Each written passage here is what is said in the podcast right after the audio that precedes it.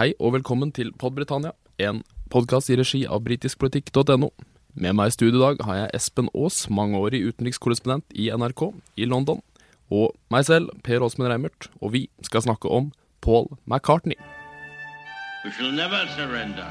The pride in who we are is not a part of our past.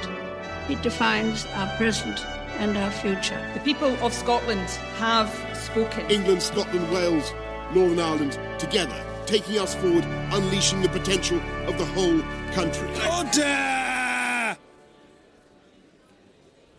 Rett før jul kom Paul McCartney ut med ferdigstillingen av sin albumtrilogi, McCartney. Dette var tredje plate i rekken, og Espen, er alle gode ting tre? Nei, det er jo ikke det. eh, mulig jeg er i overkant eh, kritisk, men av det meste av Paul McCartney gitt ut, så syns jeg de tre McCartney-platene er noe av det eh, minst imponerende han eh, har gitt ut. Det er ikke det at det ikke er noen fine ting å høre på, det er det på denne platen her også. Jeg sliter kanskje litt mer med den nummer to-platen fra, fra, 1980, og så er det jo et par gode spor på den, den første som han ga ut rett etter at uh, Beatles ble oppløst. Åssen uh, vil du sammenligne denne siste med noen av de foregående? Jeg tenker jo at det første jeg tenker på når jeg hørte den platen her, at det er et problem at han er alene.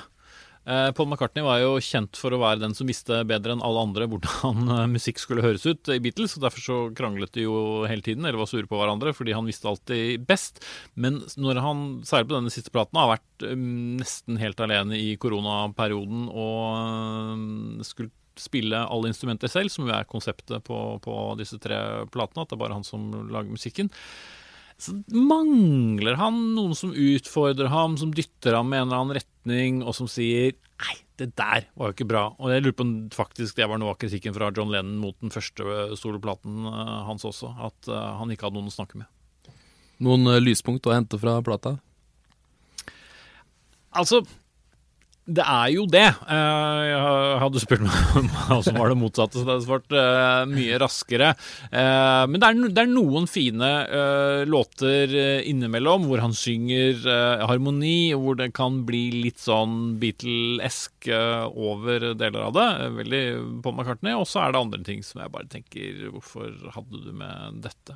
Lavatory Lill må jeg bare nevne, som er en forferdelig sang. på ja, den, den hopper vi fint bukk over, den låta der.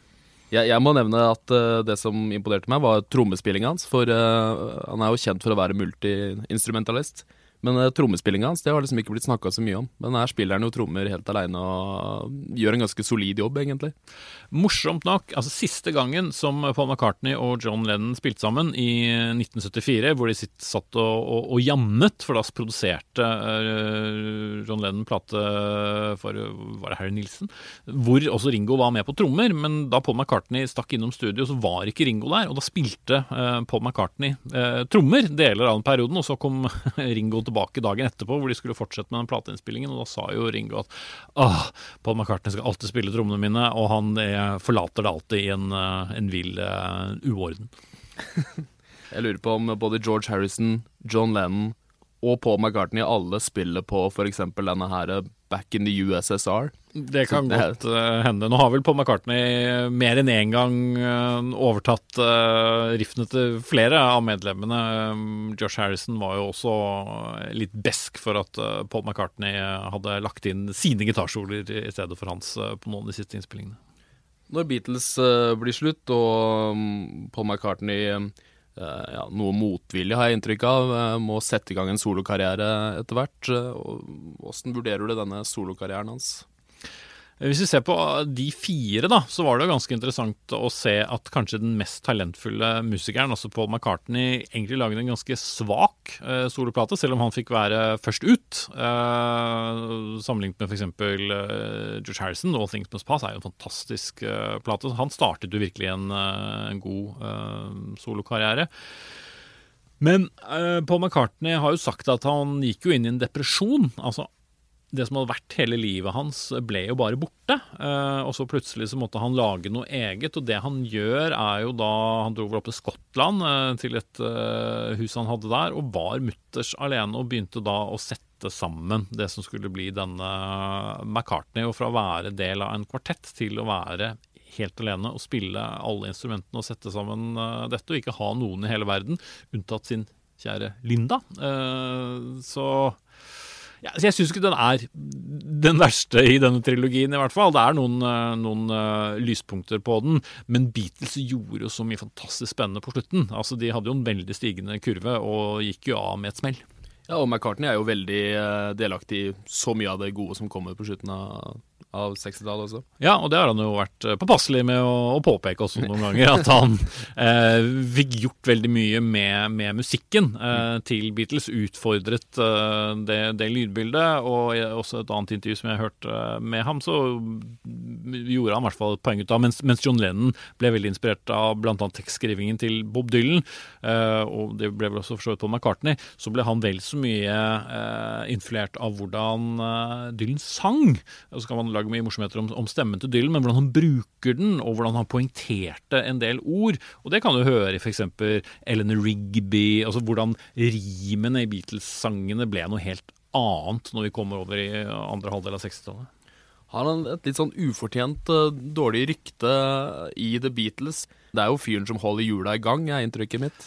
Og den desidert mest uh, talentfulle altså var jo multimusiker fra veldig ung alder. Uh, fikk vel en tropet, var det vel av faren sin til å begynne med, som uh, han begynte å, spille på. Og så bytta han den i en, en kassegitar, og så lærte han seg flere instrumenter. Og basspillingen til Paul McCartney, han var jo bassist egentlig i, Beatles, er jo legendarisk. Hvordan han spilte med plekter og gjorde bass til mye mer enn bare rytme. Vært, vært bassist selv i hine håre dager, og vet at det kan jo være en kjedelig jobb, men han gjorde det jo til noe, noe spennende. Så det er vel litt sånn elsk-hat-forhold. At eh, de så jo at eh, Paul McCartney var knallflink eh, på, på det musikalske, og at han hele tiden visste hvordan ting skulle høres ut. Da, da jeg venta på dette albumet her, så var en liten del av meg som håpa litt på noe sånn her Leonard Cohen, David Bowie, Johnny Cash, gammel mann som ser tilbake på livet sitt-album. Men det er noe jeg kan se for meg John Lennon kunne gjort, egentlig. Men McCartney har kanskje ikke det i seg. Nei, han vil jo alltid fram, og vil jo på en måte, hva er det på norsk, reinvente, altså finne seg selv opp uh, på nytt, samtidig som han har med seg uh, signaturene sine. Og så har vel også Paul McCartney sagt at han har alltid slitt med det at han, han blir jo aldri kvitt at han var Beatles, uh, Paul McCartney. Han prøvde jo å kvitte seg med det da han startet Wings, uh, ganske kort tid etter at uh, Beatles var historie. Han brukte jo lang tid uh, med Wings også, gikk jo en del år før han begynte å spille uh, gamle Beatles-låter uh, på scenen. Og han vet jo det er jo alltid det folk vil ha, enten han spiller på Live Aid eller Live 8 eller hva slags veldedighetskonsert, eller om det er hans solokonserter, så må han jo tilbake til, til, den katalogen. Men når han skal spille inn nytt materiale, så han, han har jo for så vidt også spilt inn noen gamle Beatles-låter på nytt opp igjennom, men for det meste så vil han jo fremover og gir ut nye plater, og så er det vel litt forskjellig hvordan det blir tatt imot hos fansen. Vi snakker litt på forhånd her at dere har en ting i felles. Eh, dere er vegetarianere. Han er kanskje mer hardbarka vegetarianer enn eh, en deg. Kanskje dette er noe av grunnen til at han holder seg så bra? Han ville sikkert sagt det selv. Han har vel vært eh, vegetarianer siden jeg var to år, så han har jo holdt på, på lenger. Men jeg husker jeg leste et veldig morsomt intervju med ham for en fem-seks år siden, hvor han hadde en journalist fra Times eller Garden eller hva det var, på besøk hjemme hos seg. Uh, og så, etter at jeg er ferdig med intervjuet og hun skal gå, så, så pakker jo da Paul McCartney en matpakke til henne som hun skal ha med seg på veien, med da selvfølgelig vegetarpålegg. Men han har jo vært en sunn, sunn, fyr, selv om han har hatt sine runder med, med, narkotika, som vi vet. Helt fra mm, Bob Dylan vel introduserte dem for eh, marihuana på, i New York eh, i 64 eller 65, eller når det var, og til han jo ble tatt for narkotika både her og der i, i høyere alder. Men han, han, ser jo fantastisk ut. Det er jo som med Mick Jagger. Disse to gamle eh, gigantene er altså så spreke. Så tenkte jeg på tilbake til det vi snakket om med sånn her gammalmannsalbum om indre demoner. Fyren har jo nok å ta der. Mor som døde da han var 14 år, og så første kone Linda McCartney som døde i en relativt tidlig alder. Spiller han noe på det? Henter han fram noe av dette i solokarrieren sin? Ja, altså, Han har jo måttet gjøre det. Linda McCartney hadde han jo en minnekonsert uh, for. Uh, et år etter George Harrison døde, så var han jo med på den minnekonserten. Han har jo måttet forholde seg til disse store uh, hendelsene. da John Lennon døde, så var han jo ifølge seg selv helt satt ut, og kommenterte jo derfor veldig rart da han fikk stukket en mikrofon opp i fjeset om hva han Uh, følte, men It's a drag, var det ikke han sa? ja, uh, men det var det eneste han, han klarte uh, å si. Men Paul McCartneys fremtoning er jo alltid en sånn veldig positive, mens de andre medlemmene kunne jo si litt andre ting om han, så var han alltid bare sånn der Å, nei, nei, vi var ikke så uvenner, og det gikk jo bra, og vi hadde det fint, og vi gjorde mye ålreit. Han er jo en veldig positiv fyr, så til, til, med tanke på hvor mye mørke som egentlig kan eh, være der. Og jeg husker jo også dette veldig stormfulle ekteskapet med Heather Mills ja. fra landminekampanjen. Da var det jo en ganske bitter eh, Paul McCartney som vi så på slutten der, om hvordan pressen eh, holdt et sånt svareleven med, med både han eh, og henne. Og det er jo ikke alt han har gjort av andre ting heller som har akkurat blitt bejublet av disse mer sånn klassisk musikktingene, Paul McCartney i skolen og det er alltid noen som uh, vil uh, kritisere. I forbindelse med traileren til den nye Beatles-filmen som skal komme fra Peter Jackson, så, så, sier Paul McCartney at han ble så glad for å se de klippa, fordi han, da han så disse klippene, masse klipp hvor Beatles-gutta tuller og spiller musikk, så, så følte han at han hadde blitt lurt av pressen til å tro at uh, siste plata, Let It Be, at uh, de var uvenner. De hadde det så kjipt, men hvis du ser på bildene, så har de det jo faktisk fryktelig morsomt. Det var litt sånn de overlevde også, med, med å tulle. De hadde jo mye, mye humor. Se Ringo Starr driver jo bare og våser rundt uh, i den samme traileren. Uh, Josh Harrison er jo også en morsom fyr. Han var jo kompis med alle Monty Python-gutta, men han var litt mer tilbakelent. Uh, og John Lennon tuller jo også absolutt uh, hele tiden. Men det var jo mye mer sånn faglig uenighet, og etter hvert hvem som skulle ta æren for forskjellige sanger som han og, John Lennon eh, kranglet om. Nei, det var det jeg som skrev. Nei, det var det jeg som skrev. Og uh, et ondsinnet rykte vil også ha det til at han alltid tok det veldig tungt at det var Lennon McCartney som sto under alle sangene som de spilte sammen, og ikke uh, McCartney-Lennon. Men klart, når du er Altså, han er vel den gjenlevende artisten som har hatt uh, flest uh, topp én-hits uh, i verden. og det, det, gjør jo noe med deg når du blir forgudet sånn som de ble gjennom hele karrieren og i all tid etterpå. Altså, Paul McCartney er, er Paul McCartney, og det kommer han seg aldri unna. Er hans største arv som han legger igjen, er det Beatles-perioden? Det er jo det.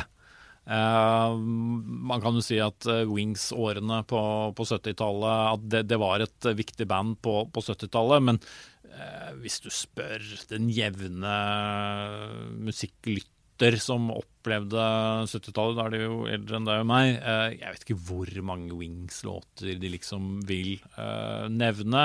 Og hvis du skal gå gjennom soloplatene til Paul McCartney også, enten man snakker om denne trilogien eller alt det andre han har gitt ut, så er vel listen over de sånn kjempestore hitene eh, ikke så mange. Men han skal jo ha det på 80-tallet, som jeg husker i hvert fall. Da han gjorde ting sammen med både Stevie Wonder og, og, Michael Jackson, så var det jo Det ble jo spilt på listene, og jeg tenkte wow, så kult, eh, de sammen. Bortsett fra denne trilogien som nå ble fullført, hvis ikke han da gir ut en uh, En fjerde? Ja, i 2030. ja. Eh, hvordan ser de andre soloalbumene hans ut, hvor han har fått med seg andre folk? Ja, jeg begynte å gå litt tilbake i katalogen før vi skulle ha dette her, og kom jo på et album som jeg trodde ikke jeg syntes var så bra. Uh, og det var jo film- uh, eller musical-platen 'Give My Regards to Broad Street', som var den første McCartney-platen, eller kassetten faktisk, som jeg kjøpte. Min mor jobbet nemlig i en butikkjede som het Elle dagligvare, og der hadde hun rabatt på kassetter, så jeg kjøpte meg den. Der er det jo en del nyinnspillinger av Beatles-låter, men så er det jo en veldig fin eh, åpningssang som heter No More Lonely Nights, hvor Paul McCartney eh, synger eh, fantastisk. Um, og så kom jeg også over en annen plate som jeg husker jeg kjøpte og likte veldig godt. 'Flowers in the Dirt', som han laget med Elvis uh, Costello. Det var med sånn begynnelsen av 90-tallet eller slutten av 80-tallet. Var jo ganske bra. Og så har det jo vært en del mm, litt andre prosjekter. Flame, jeg husker Flaming Pie-platen fikk jo en god del oppmerksomhet. Og da husker jeg også Paul McCartney stilte opp, da bodde jeg i London, eh, og han stilte opp i et program som het eh, T. Uh, FI Friday, uh, Thanks for It's Friday, uh, som var et kjempepopulært program som gikk på fredager, men som het Chris Evans. Hvor han jo stilte opp og ga veldig mye av seg selv. Dette var jo et veldig ungdommelig program, og der var jo veteranen Paul McCartney. Og så må jeg si jeg nesten fikk intervjuet ham selv en gang òg. Eh, i 2014-2015. Så fikk jeg en henvendelse fra plateselskapet eh, om vi var interessert i NRK å gjøre et intervju med Paul McCartney, og det var jeg jo. Eh, og fikk en lang liste med spørsmål da fra managementet til Paul McCartney. Hadde intervjuet mange berømte personer før, og jeg måtte da få lenke til disse. Jeg er jo politisk journalist, så jeg hadde jo mest intervjuet politikere, men jeg hadde jo rukket å intervjue Uh, ja, Edge fra, fra, U2, Annie Lennox, noen musikere og noen, uh, noen uh, skuespillere. Og så måtte jeg da sende inn nærmest denne søknaden om å få intervjue Paul McCartney. Alene, da, one to one for TV. Men fikk da etter hvert svar på at det norske markedet var så lite, med bare fire-fem millioner nordmenn, så de kom ikke til å prioritere Norge i denne omgang, men det kunne hende jeg kunne bli eh, invitert som, eh, som, eh, til en sånn felles eh, pressekonferanse, som jeg heller ikke ble. På 90-tallet så studerte jeg i London, og da eh, jobbet jeg en periode i et byrå i Oxford Street. Eh, og rett i nærheten av Oxford Street så ligger det en liten park som heter Soho Square, som sikkert veldig mange har sett. Og der, rett ved det, så var det en ringeklokke hvor det sto P. McCartney. Så der hadde Paul McCartney eh, faktisk et eller annet kontor som han eide. Hvor mye er det Liverpool by skylder uh, Paul McCartney? Han har jo en del tekster som, som beskriver uh, lokale strøk der. Han har gjort masse for Liverpool. Han er vel det Beatles-medlemmet som sånn sett kanskje har uh, betydd mest, fordi han har valgt å, å, å, hylle byen, selv om de reiste derfra og ut i den uh, store verden. vært med på byjubileer og, og, og, hyllet den. Så jeg tror nok han har tatt med seg mye av det. Og så hadde han jo en ganske trygg oppvekst med, med, foreldre som tok seg veldig av ham og oppmuntret ham til å, å gjøre mye, selv om de vel for så vidt kom fra ganske enkle kår. Eh, men det er jo alltid fantastisk når man reiser til Liverpool og drar på Beatles-museet, eller bare kjenner den der eimen av, av, Beatles som fortsatt er der, og hvor, hvor glad de er i det bandet.